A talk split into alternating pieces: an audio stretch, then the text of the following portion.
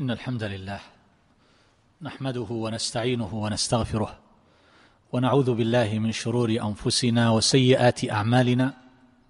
من يهده الله فلا مضل له ومن يضلل فلا هادي له وأشهد أن لا إله إلا الله وحده لا شريك له وأشهد أن محمدا عبده ورسوله صلى الله وسلم وبارك عليه وعلى آله وصحبه أجمعين. أما بعد فسلام الله عليكم ورحمته وبركاته. بهذا اللقاء المتجدد أيها الأحبة نعطر أسماعنا بالكلام على أسماء الله الحسنى وما تضمنته من أوصاف الكمال. وهذه أيها الأحبة هي الغبطة وهو أشرف ما يتحدث عنه وهو سبب للخيرات والبركات فالقلوب أيها الأحبة التي تتربى على هذا تمتلئ محبة لربها وخالقها جل جلاله وتمتلئ رغبة ورهبة فتقبل عليه بكليتها وتشتغل به ولا تلتفت إلى شيء سواه فيحصل من جراء ذلك ما لا يقادر قدره من الانشراح والسعادة وبذلك تعالج الأدواء أدواء القلوب وأدواء الجوارح ويصح سير العبد إلى ربه تبارك وتعالى ويستقيم سلوكه على الصراط المستقيم. فهذا أيها الأحبة هو الذي ينبغي أن يعتنى به وأن تتربى النفوس عليه وأن نكثر من النظر في معاني هذه الأسماء فإن ذلك يكون ولا بد سببا لكل خير. ما أحوجنا لهذا أيها الأحبة. حديثنا في هذه الليلة عن اسم الله الكريم وهذا الاسم يرتبط من جهة المعنى بأسماء أخرى كالمحسن والرزاق والجواد وما أشبه ذلك.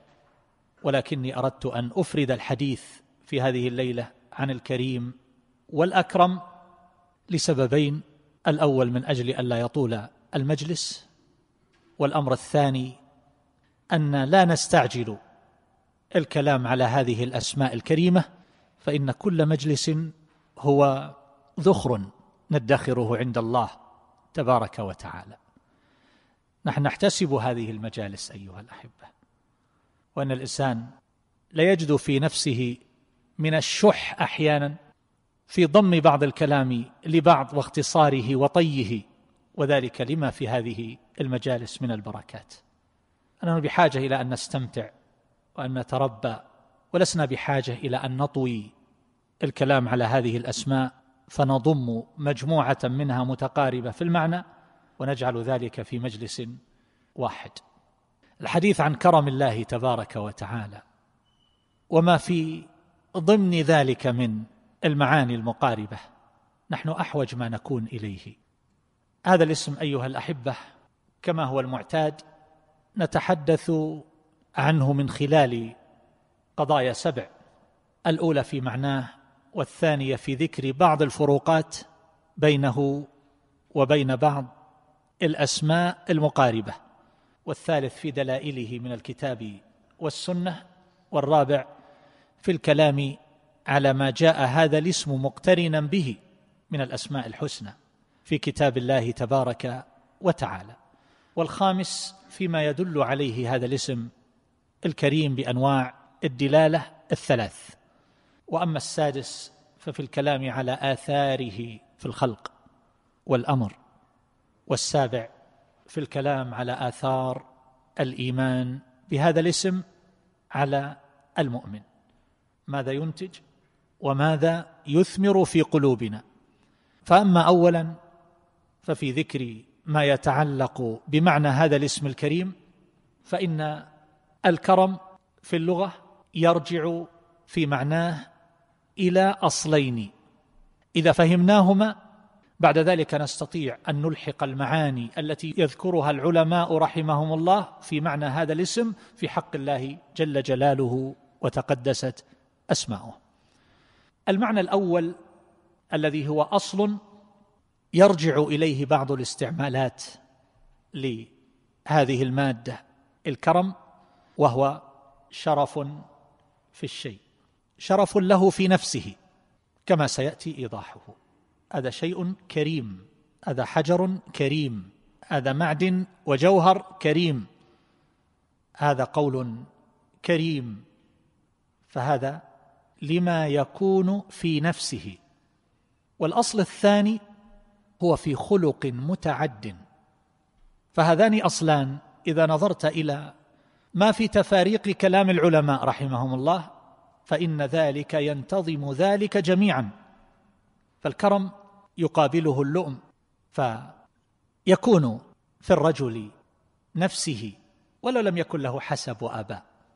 وكذلك أيضا يقال الكرم للأخلاق والأفعال المحمودة التي تصدر من الإنسان ويتحلى بها ولهذا يقال ذلك للسخي الباذل المحسن كبير القلب واسع الصدر الذي يستطيع أن يحتوي الناس ويتسع لهم صدره ويستطيع أن يتجاوز عن أخطائهم وعيوبهم ونقصهم وتقصيرهم فهذا هو الكريم.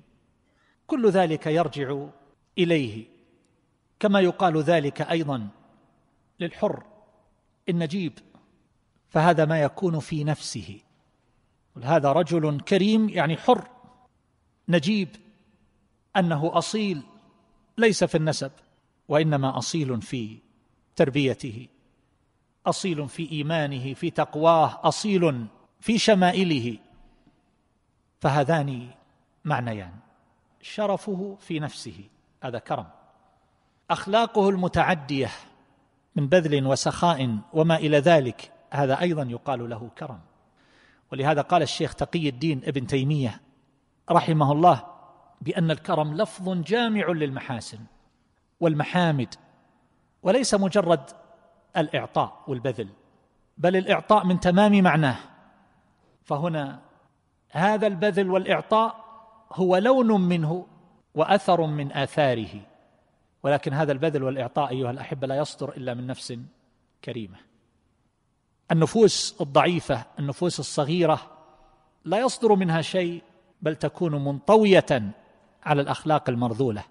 أرأيت الذي ينهى عبدا إذا صلى؟ وكذلك أيضا يكون مجبولا على الشح. يتطلع إلى ما في أيدي الآخرين ويحاول أن يستحوذ على ما في أيديهم ويضيق ذرعا حينما يراهم يبذلون ويحسنون. والحافظ ابن القيم رحمه الله يفسر الكريم بأنه البهي الكثير الخير العظيم النفع وأنه من كل شيء أحسنه وأفضله. ففي كلامهما الجمع بين المعنيين. شرفه في نفسه وأوصافه وشمائله المتعدية بالبذل والنفع والإعطاء وما إلى ذلك. هذا كله أيها الأحبة داخل فيه. والأكرم لك أن تقول هو الأحسن والأنفس والأوسع والأشرف والأعلى من غيره.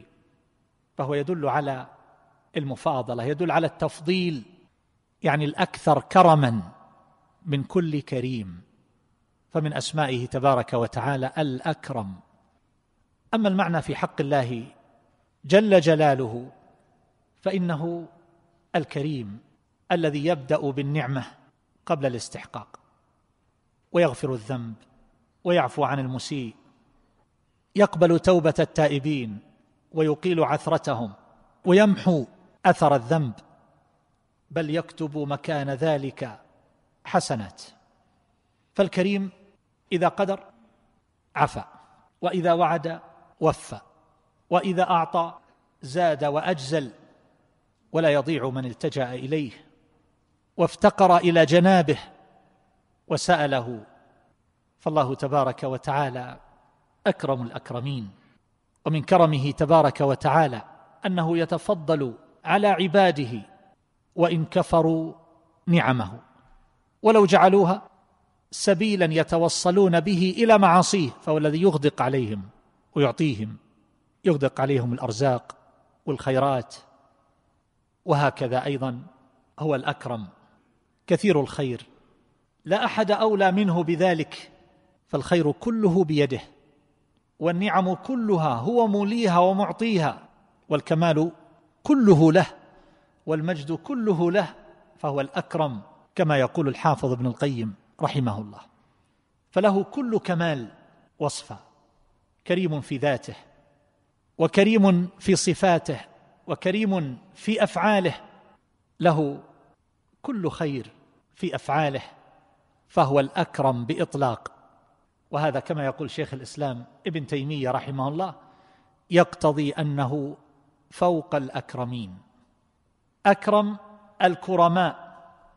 وعرفنا أن الكرم اسم جامع لجميع المحاسن فيقتضي أنه أحق بجميع المحامد التي هي صفات الكمال فهو أحق بالإحسان إلى الخلق وأحق بالرحمة وأحق بالحكمة وأحق بالقدرة والعلم والحياة وغير ذلك لأننا عرفنا أن الكرم يكون بمعنى شرف الشيء فكماله وشرفه باستجماعه لأوصاف الكمال. فالله أكرم الأكرمين. أبو بكر بن العربي رحمه الله فصل في هذا وأطال. ومما ذكره في هذا المعنى أن الكريم هو الكثير الخير. فمن أكثر خيرا من الله لعموم قدرته وكمال غناه وسعة عطائه وكثرة أفضاله على عباده. وإن من شيء إلا عندنا خزائنه. كل الخزائن بيد الله تبارك وتعالى فهو الكريم. وإذا كان الكريم هو دائم الخير فمن يكون سوى الله تبارك وتعالى؟ كل شيء ينقطع. قد ينقطع العطاء بموت المعطي وقد ينقطع العطاء بفقره وقد ينقطع العطاء بشحه وقد ينقطع العطاء بعارض من العوارض. أما الله تبارك وتعالى فعطاؤه دائم مستمر في الدنيا والآخرة. إحسانه متصل بالعباد. انظروا مذ خلق الله الخلق. من الذي يقيتهم؟ ومن الذي يعطيهم؟ من الذي يرزقهم؟ من الذي يغنيهم؟ من الذي يكسوهم؟ من الذي يعافيهم؟ بل من الذي يخلقهم؟ هو الله تبارك وتعالى. فهذا كله من كرمه سبحانه وتعالى الذي لا ينقطع. وإذا كان الكريم أيها الأحبة هو الذي يسهل خيره ويقرب من عباده فمن أولى بذلك من الله. وليس بينه وبين عباده حجاب. وإذا سألك عبادي عني فإني قريب أجيب دعوة الداعي إذا دعان. فليستجيبوا لي وليؤمنوا بي لعلهم يرشدون. لا يحتاج إلى وسائط ولا تحتاج إلى مواعيد. مباشرة ترفع يديك. والله تبارك وتعالى يستحي من عبده إذا رفع إليه يديه أن يردهما صفرا. قادر لا يحول بينه وبين العطاء شيء. ليس هناك حسابات كما عند المخلوقين يقل المال أو غير ذلك فهو العزيز الغني الكامل. من كل وجه فينبغي أن تتوجه القلوب إليه وأن ترتبط به كل الارتباط وأن تخضع النواصي لجلاله وعظمته. هذا هو معبودنا سبحانه وتعالى.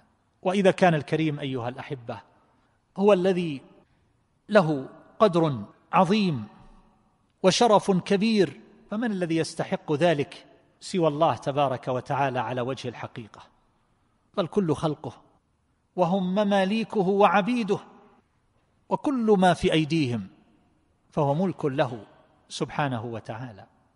وكرم كل كريم إنما هو من إعطائه وبذله وإمداده وإكرامه. وشرف كل شريف إنما هو من تشريفه وتفضله على عبده. وإلا فالعبد ماذا يملك؟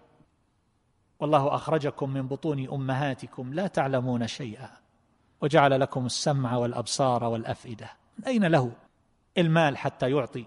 ومن أين له القدر والإمكانات حتى يبذل؟ كل ذلك إنما هو فيض من فيوض الله عز وجل. وإذا كان الكريم هو المنزه عن كل النقائص والآفات والعيوب فمن أحق بذلك من الله تبارك وتعالى. فهو المنزه عن كل عيب ونقص. أما المخاليق فمهما كان كرمهم ومهما كانت شمائلهم وأوصافهم وكمالاتهم إلا أنهم يتقلبون في ألوان النقائص. ومن سرح فكره وأجال نظره وجد من أنواع النقائص في عطائهم وفي ذواتهم وفي أوصافهم وفي أخلاقهم وفي مبدئهم ومنتهاهم وفي متقلبهم ومثواهم. يتقلبون في نقائص. ولكن غاية ما هنالك أن يكون عند الواحد ومضة فيتميز بها عن غيره. يشرق بها ولكن يبقى المخلوق مجبولا على الضعف والعجز والفقر والمسكنة. وإذا كان الكريم بمعنى المكرم فمن المكرم؟ سوى الله تبارك وتعالى. ومن أكرمه الله تبارك وتعالى فهو المكرم ومن أهانه فهو المهان ومن يهن الله فما له من مكرم. وإذا كان الكريم هو الذي لا يرجو عائدة ونفعا وعوضا على عطائه وبذله وإحسانه فمن الأحق بذلك من الله تبارك وتعالى. فالخلق كلهم خلقه والمال ماله والملك ملكه فهو حينما يعطي لا يعطي لنفع يعود إليه كما يفعل المخلوق. فالله تبارك وتعالى لا ينتظر عوضا من أحد فهو المالك للعطاء ومالك للعوض. لا يخرج شيء عن ملكه وتصرفه وقدرته وإذا كان الكريم هو الذي يعطي لغير سبب يبتدئ بالعطاء. فمن أحق بذلك من الله تبارك وتعالى والذي خلق الخلق. وابتدأهم بالنعم وأدرها عليهم فالعطاء منه. فهو وإن أعطى في بعض عطائه لسبب قام بالمخلوق فإن ذلك السبب هو مما تفضل به عليه كالدعاء أو صلة الرحم أو غير ذلك فهذا من جوده وكرمه على عبده أن وفقه وهداه وأرشده وسدده. وإذا كان الكريم هو الذي لا يبالي من أعطى. فمن يكون سوى الله تبارك وتعالى؟ فالله تبارك وتعالى يعطي المؤمنين والكافرين. ولربما خص الكافرين في الدنيا بمزيد من العطاء ولكنه جعل الآخرة للمتقين للمؤمنين. فعطاؤه عام شامل لهؤلاء الخلائق ولو منع الله تبارك وتعالى عطاءه عنهم طرفة عين. لما بقي على ظهرها من دابة. عطاء ليس هو مجرد الطعام والشراب. هذا الهواء هو من عطائه. هذا النفس الذي يخرج ويرجع. هذا كله من عطائه كما سيأتي إن شاء الله تعالى. وهكذا إذا كان الكريم هو الذي يعطي المحتاج وغير المحتاج فمن يكون سوى الله تبارك وتعالى؟ من الذي يغني الخلق؟ يصب الخير صبا. على الأصحاء والمرضى على الكبار والصغار الرجال والنساء على الأغنياء والفقراء. ولا يذهب ذهنك إلى أحد. قد نزل به الضر أو أنه قد عانى من الفقر. فلو تأملت في عطايا الله عز وجل له لوجدت أنها لا تحصى ولا تعد. وإذا كان الكريم هو الذي إذا وعد وفى فمن يكون سوى الله تبارك وتعالى؟ المخلوق يقطعه العذر وغير العذر ويحول بينه وبين الوفاء ما يخرج عن طاقته وقدرته. أما الله تبارك وتعالى فإن ذلك لا يرد عليه بحال من الأحوال. وإذا كان الكريم أيها الأحبة هو الذي لا يضيع من التجأ إليه فمن يكون سوى الله تبارك وتعالى. ولهذا فإن العبد إذا خاف عاذ به. وإذا رغب لاذ به فهو المعاذ والملاذ والملجأ جل جلاله وتقدست أسماؤه.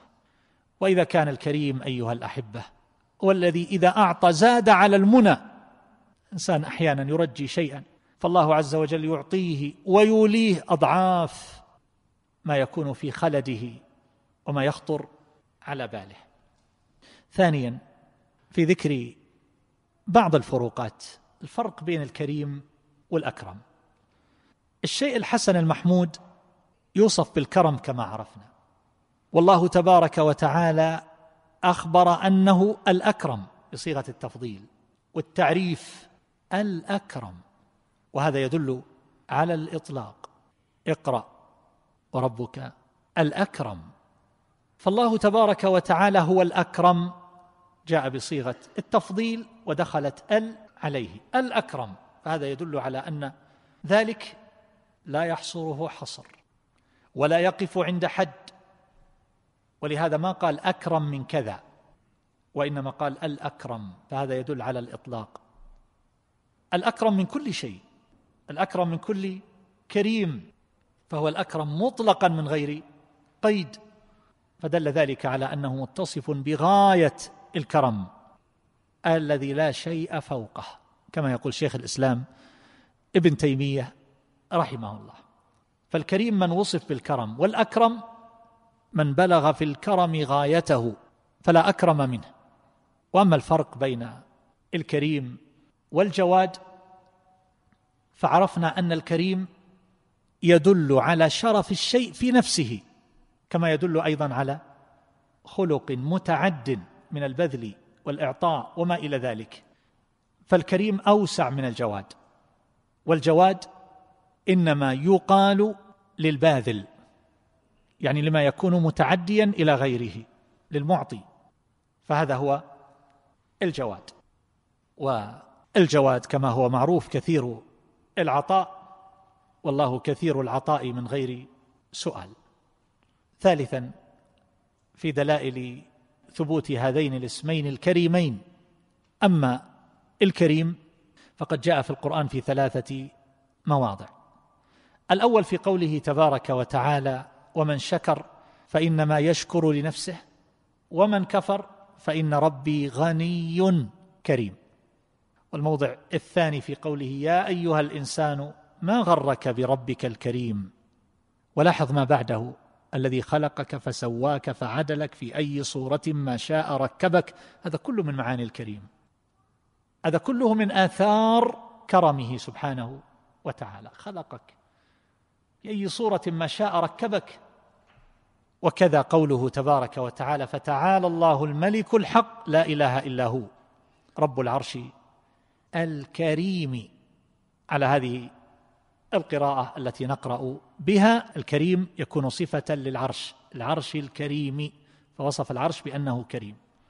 وعلى القراءة الأخرى المتواترة قراءة ابن كثير رب العرش الكريم يكون ذلك صفة لله عز وجل. والقراءتان إذا كان لكل قراءة معنى فهما بمنزلة الآيتين. فالقراءة الأولى دلت على وصف العرش بأنه كريم. والقراءة الثانية دلت على وصف الله تبارك وتعالى بأنه كريم. وأما الأكرم فقد جاء في قوله تبارك وتعالى اقرأ وربك الأكرم. ولاحظ ما بعده الذي علم بالقلم علم الإنسان ما لم يعلم. هذا كله من معاني كرمه وآثاره. فينبغي على العبد أن يوسع ذهنه ليتصور قدرا أكبر من كرم الله عز وجل وجوده وبذله وعطائه.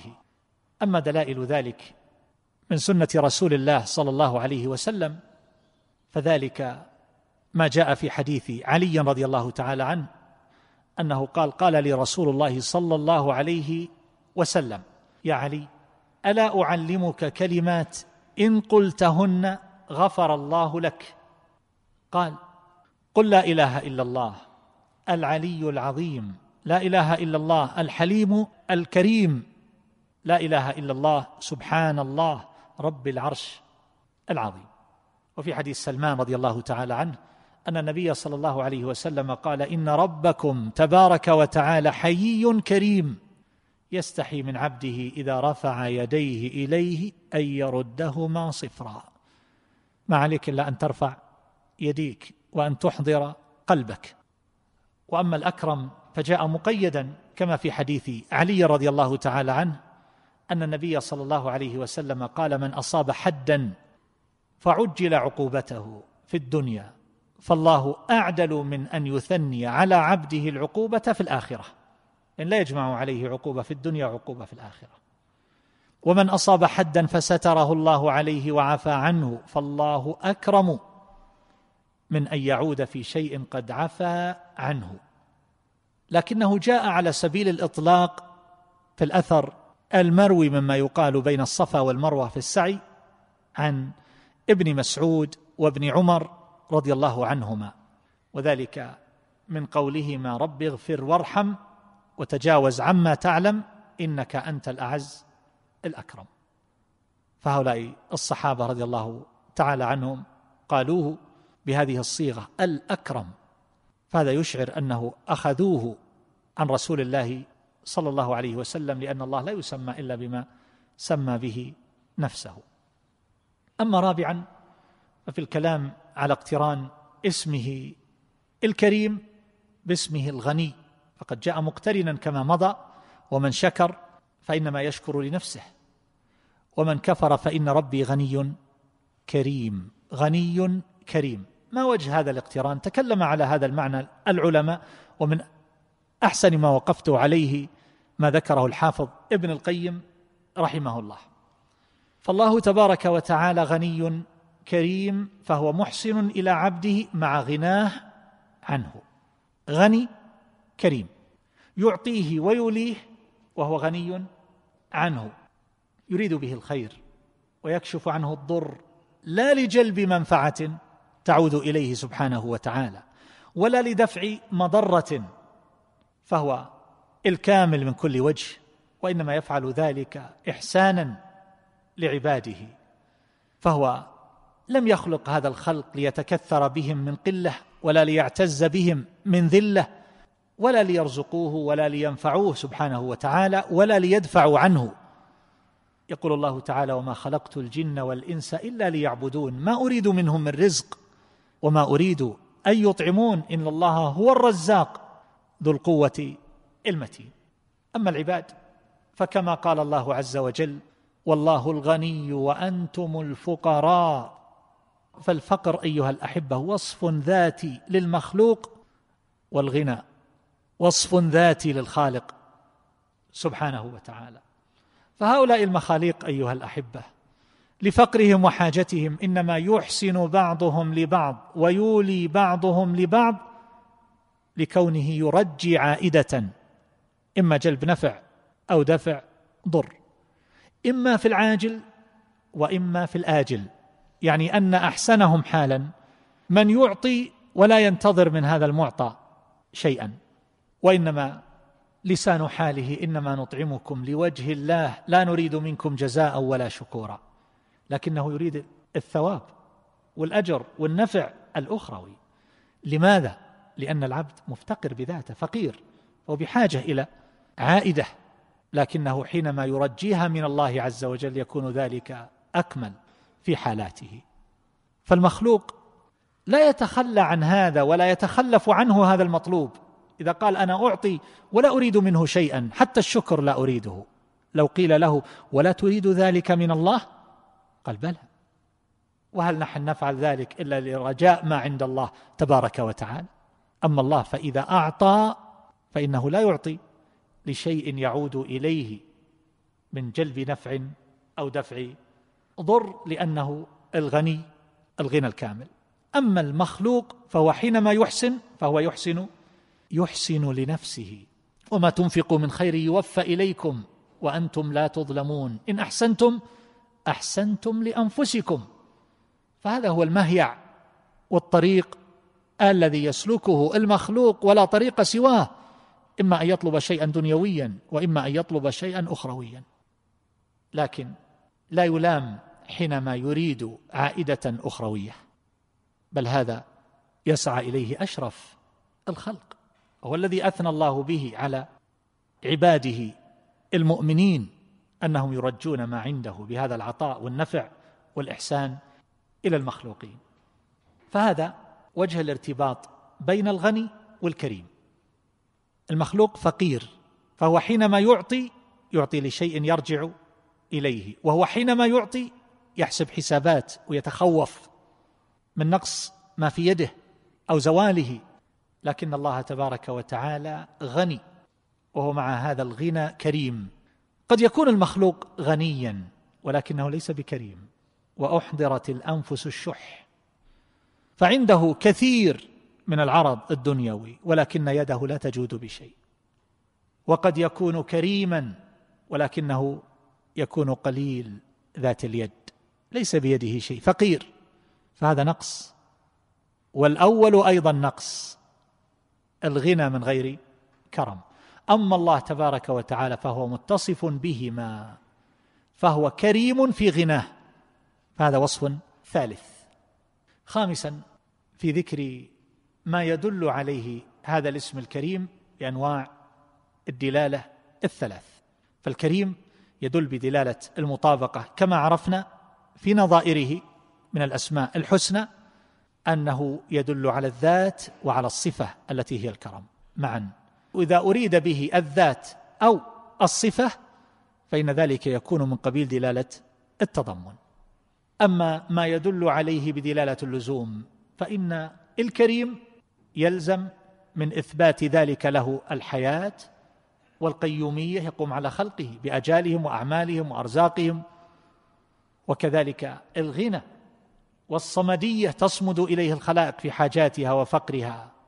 وكذلك أيضا السعه والأحدية وما إلى ذلك من صفات الكمال. وكذلك الأكرم فإنه يدل بالمطابقة والتضمن ما دل عليه الكريم. ويدل باللزوم أيضا على ذلك وعلى أنه متفرد بهذا الكرم. أما سادسا ففي ذكر آثار هذين الاسمين في الخلق والأمر يعني في ذكر أثرهما في الخليقة مظاهر هذا الكرم في خلق الله عز وجل وفي أمره في أمره يعني في شرعه. وهذا ظاهر لكل أحد. فالله تبارك وتعالى يقول والله أخرجكم من بطون أمهاتكم لا تعلمون شيئا وجعل لكم السمع والأبصار والأفئدة لعلكم تشكرون. فالذي خلق هؤلاء المخلوقين. وجعل لهم السمع والأبصار والأفئدة أدوات التعلم وما ينتج عن ذلك من أنواع العلوم والمعارف المتنوعة.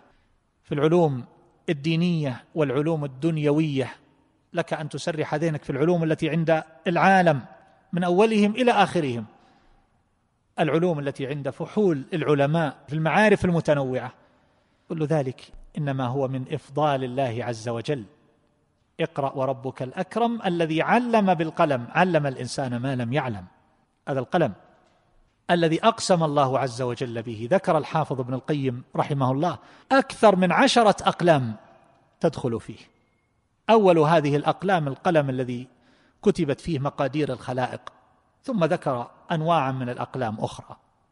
من هذه الأقلام الأقلام التي يكتب فيها العلماء العلم ويوقعون عن الله عز وجل ومن هذه الأقلام الأقلام التي تكتب فيها العلوم النافعة من الطب وغيره ومن هذه الأقلام ما يكتب فيه الحساب فيما للناس من حقوق وما إلى ذلك ومن هذه الأقلام ما يكتب به العطاء.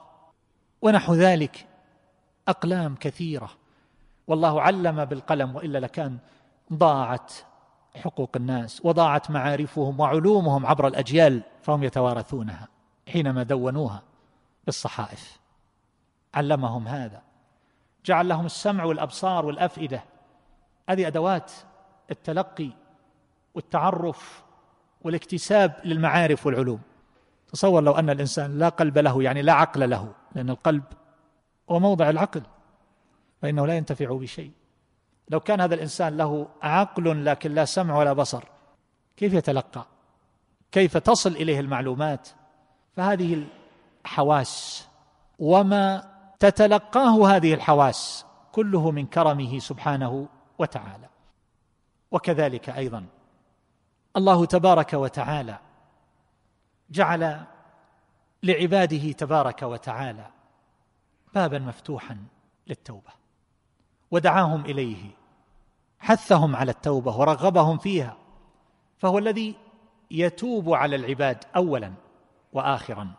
يتوب عليهم اولا بأن يوفقهم للتوبة ويهديهم إليها ويتوب عليهم ثانيا ثم تاب عليهم ليتوبوا بقبولها منهم. فهو الذي هدى إليها ووفق وهو الذي يقبلها وليس ذلك فحسب أيها الأحبة.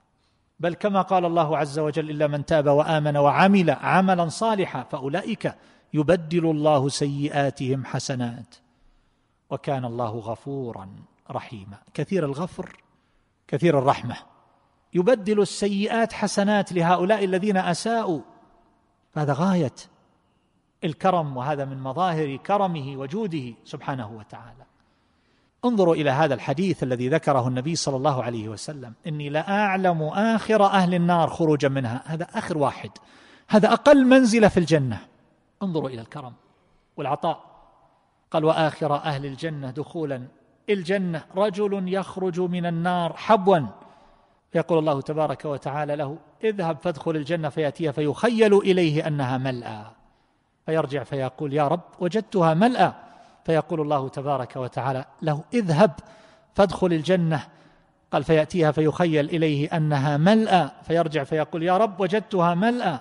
فيقول الله له اذهب فادخل الجنة.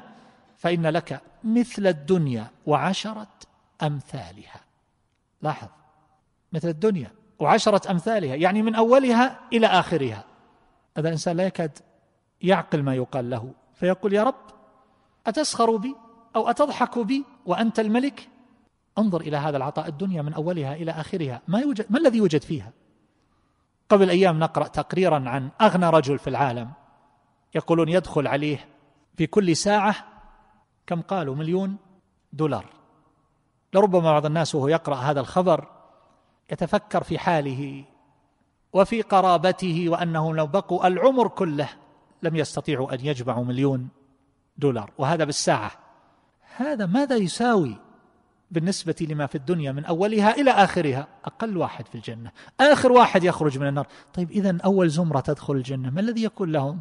هذا شيء لا يمكن أن يتصور ما لا عين رأت ولا أذن سمعت ولا خطر على قلب بشر. لا يفي به حديث ولا تفي به عبارات ولا كلام يمكن أن يوصف هذه الحقائق والجود والكرم الذي يعطي الله تبارك وتعالى لعباده.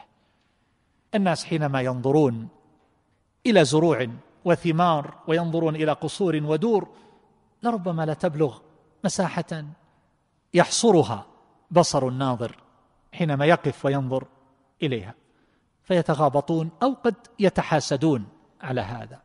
ولربما يندب الواحد حظه لقلة ما في يده. هذا كله وليس هذا الذي في زمانه وعصره بل مدى العصور من أول الدنيا إلى آخرها. ما في يد قارون وغير قارون مما لا نعلمه إلى يوم القيامة. وعشرة أمثالها. لو قيل لأحد من الناس تعطى إذا عملت كذا إذا صلحت حالك تعطى مثل مال فلان من الأغنياء. وعشرة أمثاله. فإنه يخشى عليه. يا أخوان بعض الناس اتصل عليه في صفقة لربما كان وسيطا فيها دون أن يشعر. وهي صفقة كبيرة جدا. وهو لا يملك شيئا من الدنيا. اتصل عليه وقيل له أنت ضمن الوسطاء وصار نصيبك كذا. ذكرت له ملايين. الرجل مباشرة صعق وسقط. وأدخل في المستشفى. كنت أعلم إلى هذا الحد ولا أدري ما الذي حصل له بعد ذلك. هذا قبل سنين. اتصل عليه قيل له هكذا. نصيبك من هذه الصفقة هو لم يرجي هذا أصلا ما توقع. تعرفون في البيع والشراء في العقار ونحو ذلك قد يكون الإنسان من أدنى سبب يذكر لإنسان شيئا هكذا ذكرا عابرا فيعتبرونه من السعي. فقالوا أنت ضمن هؤلاء ولك كذا. الرجل سقط. لم يتمالك. طيب هذا الذي الدنيا عشرة أمثالها ما قيمة هذه الدنيا أيها الأحبة؟ هل تستحق هذه الأحزان؟ هل تستحق هذا الكدر؟ هل تستحق هذا الضيق؟ ابتسم واشرح صدرك وحلق عاليا. العيش هناك وليس هنا. هذه دار الأكدار والحزن والجميع يقلب فيها بالكدر والحزن. لا تستثني أحدا. لكن أهل الإيمان تكون سلوتهم بالله وبما عنده فتخف عليهم وتهون المصائب وما يقع بهم من الآلام والعلل والأوصاب. هذا الفرق. أما غيرهم فلا يوجد أحد. لا يستثنى أحد من كدر. الكل يلاحقه الكدر وكل بحسبه. هذه دار الكدر لقد خلقنا الإنسان في كبد. ما يمكن أن تحول إلى حال أخرى تكون دار لذة وراحة فذاك في الجنة هناك تحتاج إلى عمل وصبر. هذا الذي يكون في الدنيا من المتاع وما إلى ذلك لا قيمة له. عرض زائل وعما قريب يتقشع. اليوم أتأمل مع نفسي في حال كثيرين ممن أعطاهم الله وأولاهم أمر وأنا أمشي من بيوت أعرفها وأعرف أهلها الأم توفيت الأب توفي الأعمام توفوا وكانوا في أيام يعمرون هذه الدور تلاحقوا واحدا بعد الآخر أين هم؟ أين الأموال التي كانت في أيديهم؟ أين المراكب؟ كل ذلك لم يبق منه شيء ذهبت أفراحهم ولذاتهم وأحزانهم ونحن في الطريق لكن يحتاج الإنسان يكون له فقه أيها الأحبة في النظر. في ذلك كله وأن يتطلع إلى الكريم الأكرم سبحانه وتعالى. من كرمه تبارك وتعالى أنه يدعو عباده يأمرهم بالدعاء ويجيب دعاءهم ويحقق سؤلهم تيهم من فضله سبحانه وتعالى. مما سألوا ومما لم يسألوا فيكون له إحدى ثلاث. ماذا يريد أكثر من هذا؟ إما أن يدفع عنك من الشر. مثل ما دعوت وأنت لا تشعر. وإما أن يتحقق لك المطلوب أو يدخر في الآخرة فأنت في ربح محقق. وإذا سألك عبادي عني فإني قريب. أجيب دعوة الداعي إذا دعا فليستجيبوا لي وليؤمنوا بي لعلهم يرشدون. من كرمه تبارك وتعالى أنه أعطانا وأولانا. لو قيل للإنسان أيها الأحبة هذه الأبعاض والأعضاء كم تقدر بثمن؟ لو جئنا نشرح الإنسان تشريحا دقيقا وبدأنا بالأجزاء الكبار كم تدفع في الدماغ؟ أو في شعيرة من شعيرات الدماغ؟ أو في شيء من تلافيف الدماغ؟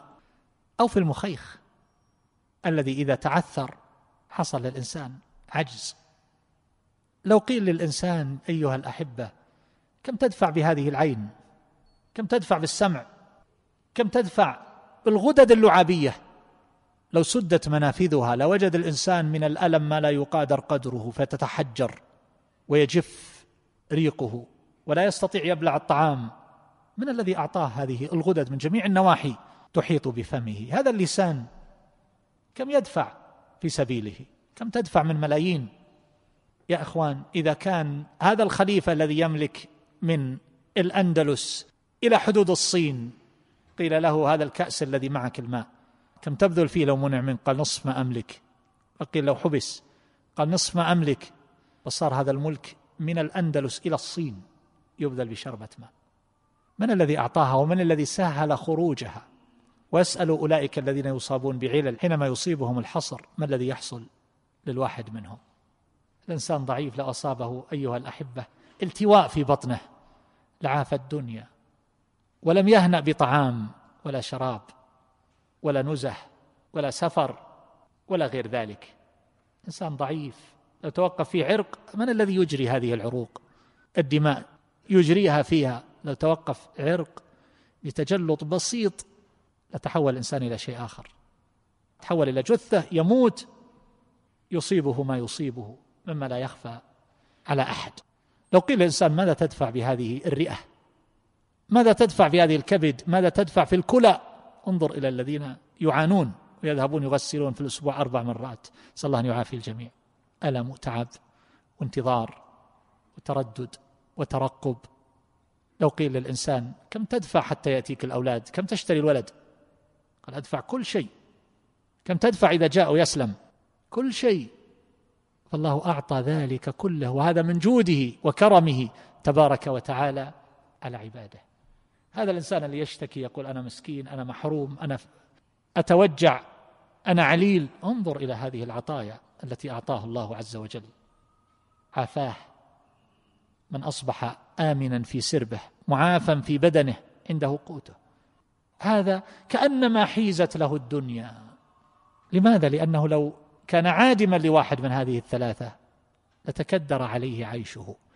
أما ما في الغد فهذا عند الله. لماذا الإنسان يترقب ما في غد وقد لا يأتي الغد؟ قد يموت الإنسان بيومه فليعش يومه ويسعد بطاعة الله عز وجل ولا يلاحق الكدر والقلق والضيق لن تموت نفس حتى تستوفي رزقها وأجلها. تلاحق غد وأنت لا تدري ماذا سيكون. أنت ابن يومك. حياتك هذه اللحظة اللي الآن تعيشها. وقبل هذه اللحظة هذا تاريخ انتهى. وما بعد هذه اللحظة هذا مستقبل الله أعلم كيف يكون. عش لحظتك هذه؟ فقط. وما في غد يأتي به الله. المهم أن تكون الذي بينك وبين الله عامر. هذا هو المهم أيها الأحبة. وما بعد ذلك كل شيء يهون. أما سابعا وأخيرا أيها الأحبة ففيما يتصل بآثار الإيمان بهذا الاسم على المؤمن. إذا عرف العبد أن ربه هو الكريم وأنه هو الأكرم فما الذي يورثه؟ هذا الإيمان. كيف يكون حاله وقلبه ولسانه وجوارحه؟ كيف يكون نظره إلى ربه تبارك وتعالى؟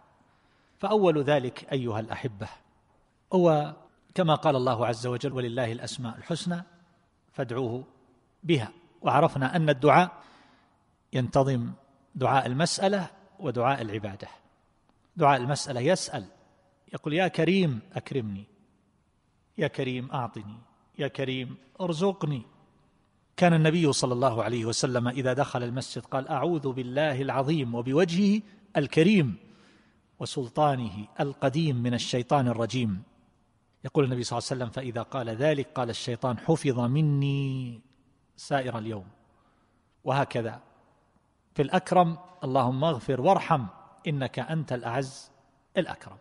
أما دعاء العبادة فيدخل فيه أنواع العبوديات. قلنا إن العبادة تكون بالقلب واللسان والجوارح.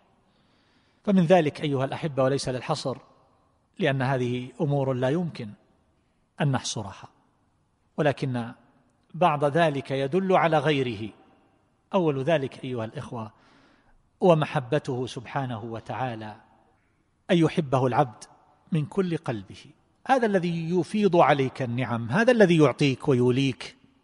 القلوب مجبولة على محبة من أحسن إليها. لو أن أحد من المخلوقين وقف معك وأعطاك وبذل لك وزوجك ويعطيك المال وما تحتاج إليه فإن الإنسان لابد أن يحبه. ولهذا كان بعض السلف يدعو ربه ألا يكون لصاحب هوى أو لكافر عنده يدا لئلا يميل إليه قلبه. قلوب مجبولة على محبة من أحسن إليها. فهذه النعم الظاهرة والباطنة ابتداء من الخلق وما يمر به الإنسان من أطوار وما يكون في ثنايا ذلك من الأرزاق الدارة. كل هذا منين؟ من الله عز وجل. فهنا إذا نظر العبد في هذا أحب الله بكل قلبه. تكون محبته مقدمة على محبة من سواه. الناس الذين يسألون أحيانا عن التعلق بالمخلوق تعلق العشق. هذا لا يمكن أن يتسلل أيها الأحبة إلا إلى القلوب الفارغة. قلب إذا امتلأ من محبة الله عز وجل لم يبقى فيه مكان للمخلوقين. المحبة التي تشوش القلب وتشغله وتقلقه وتزعجه هذه محبة ضارة تزاحم محبة الخالق سبحانه وتعالى. هذه لا توجد إلا عند أصحاب القلوب الفارغة. الذين يسألون عن العلاج في هذا. أول ما يذكر من العلاج كثرة النظر في معاني أسماء الله الحسنى. فتتعلق القلوب بالله تمتلئ من محبته. فإذا امتلأت من محبة الله عز وجل فإنها لا يمكن أن يحصل لها هذه التعلقات. وهذا القدر يكفي عن كثير من الكلام في هذه القضية وما يعانيه كثير من الناس في هذا الباب. الأمر الثاني وهو أن تنكسر عين العبد حياء من الله عز وجل. إنسان حينما يتفضل عليه الأحد من الناس أيها الأحبة بكلام حسن وأخلاق جميلة وتعامل راقي يستحي منه ويطأطئ رأسه. فكيف لو أنه أعطاه وأولاه وأكرمه؟ كيف يكون حاله معه؟ لا يستطيع أن ينظر إليه. يكون اسيرا لإحسانه. أحسن إلى من شئت تكن أميره. واحتج إلى من شئت تكن أسيره. انسان يأسره إحسان المحسن إليه. فإذا كان الله تبارك وتعالى هو الذي يعطي ويولي ويفيض بهذه النعم الظاهرة والباطنة فينبغي على العبد أن يستحي من الله. فإذا هم بمعصية تذكر الله تبارك وتعالى وإنعامه وإفضاله فاستحى منه. إذا سمع المؤذن حي على الفلاح استحى من الله. هو يتحرك ويتقلب بثيابه وبدنه وأعضائه وأبعاضه ونفسه وهوائه وما إلى ذلك وما يحتف به. كل هذا من الله. إذا قال المؤذن حي على الفلاح قام مباشرة إلى المسجد. لا ينشغل عن هذا بشيء آخر. لا يمكن أن يكون معطلا لأمر الله تبارك وتعالى مجترئا على مساخطه. يستحي من الله أن يستعمل نعمه في معصيته. وإذا وقع منه زلة بادر إلى التوبة. يبادر إلى التوبة. وهو يستشعر أن الله يراه. أنه مطلع على أحواله كلها. فيستحي أن يراه على حال لا تجمل ولا تليق. يستحي أن يطلق لسانه بما لا يليق.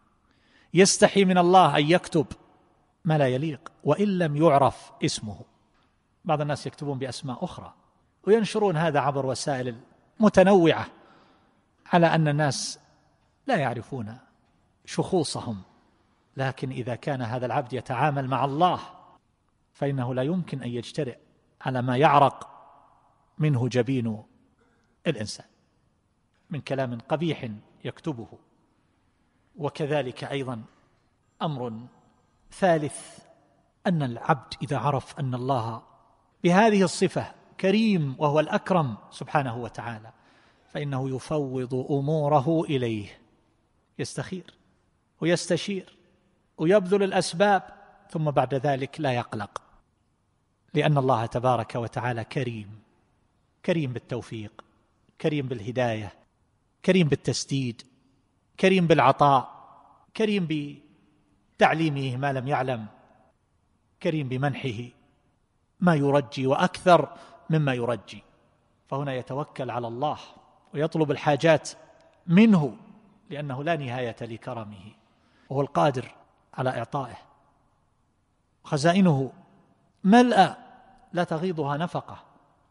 ومن هنا يكون متوكلا وتوكل على الحي الذي لا يموت وتوكل على العزيز الرحيم. تصف بالعزة والرحمة والحياة الأبدية. المخلوق أحيانا يركن إليه الإنسان ثم يفاجأ أنه قد مات فتخيب آماله. وقد يرجي هذا المخلوق ثم بعد ذلك يفتقر هذا المخلوق أو يعجز. وجه هذا القلب إلى الكريم الأكرم وتوكل عليه وثق بما عنده فهو الحي الذي لا يموت وهو العزيز وهو الرحيم. رحيم بعبده يعطيه ويوليه وأمر رابع وهو أن الله تبارك وتعالى كريم ويحب الكرماء. فيتحلى الإنسان بهذه الصفة وهي من صفات الكمال وذلك لا يزيده إلا شرفا ورفعة ولا يكون ذلك سببا لفقره ونقص ماله. وما قاله الشاعر الجود يفقر والإقدام قتال هذا غير صحيح. بل إن ذلك يكون سببا للبركة كما هو مشاهد. هؤلاء الذين يمسكون الهللة مع الهللة ولا يخرج من أيديهم شيء ماذا كانت النتيجة؟ انظر إلى حاله وانظر إلى متقلبه وانظر إلى مطعمه ومأكله ومشربه وإلى مركبه وغير ذلك. ماذا نفعه حتى إذا مرض. قد تأملت كثيرا في أحوال الخلق للعبرة والعظة وأتأمل في أحوالي أكثر لكن الإنسان ينتفع بكل ما يشاهد. رأيت هؤلاء الذين يمسكون المال ويبخلون به هم أقل الناس انتفاعا بهذا المال. بل يعذبون عليه ثلاث مرات في جمعه وفي حراسته. قلق دائم لقد سمعت من هذا الكثير. ثم بعد ذلك يحاسبون عليه فيطول الحساب بكثرة هذا العرض. فيبذل الإنسان وهذا البذل لا يختص بالمال يبذل الجاه إذا كان صاحب جاه يشفع للناس يسعى في مصالحهم. إذا كان عنده علم يبذل هذا العلم للناس ولا يبخل ويستوي مع غيره ممن لا علم عنده فجيرانه أقرب الناس إليه جماعة المسجد لا ينتفعون به. ما فائدة هذا العلم إذن؟ وأمر خامس وإذا عرف عبد أن ربه هو الكريم الأكرم فإنه يحسن الظن بهذا المعبود جل جلاله. فهو حينما يسأل ويتأخر المطلوب فليس ذلك لكونه لم يستجب له أو أن الله ما أعطاه.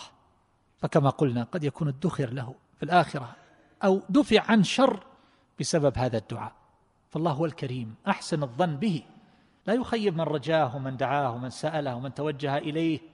أبشر بالفرج وأبشر بالإجابة وقد يتأخر ذلك لحكمة.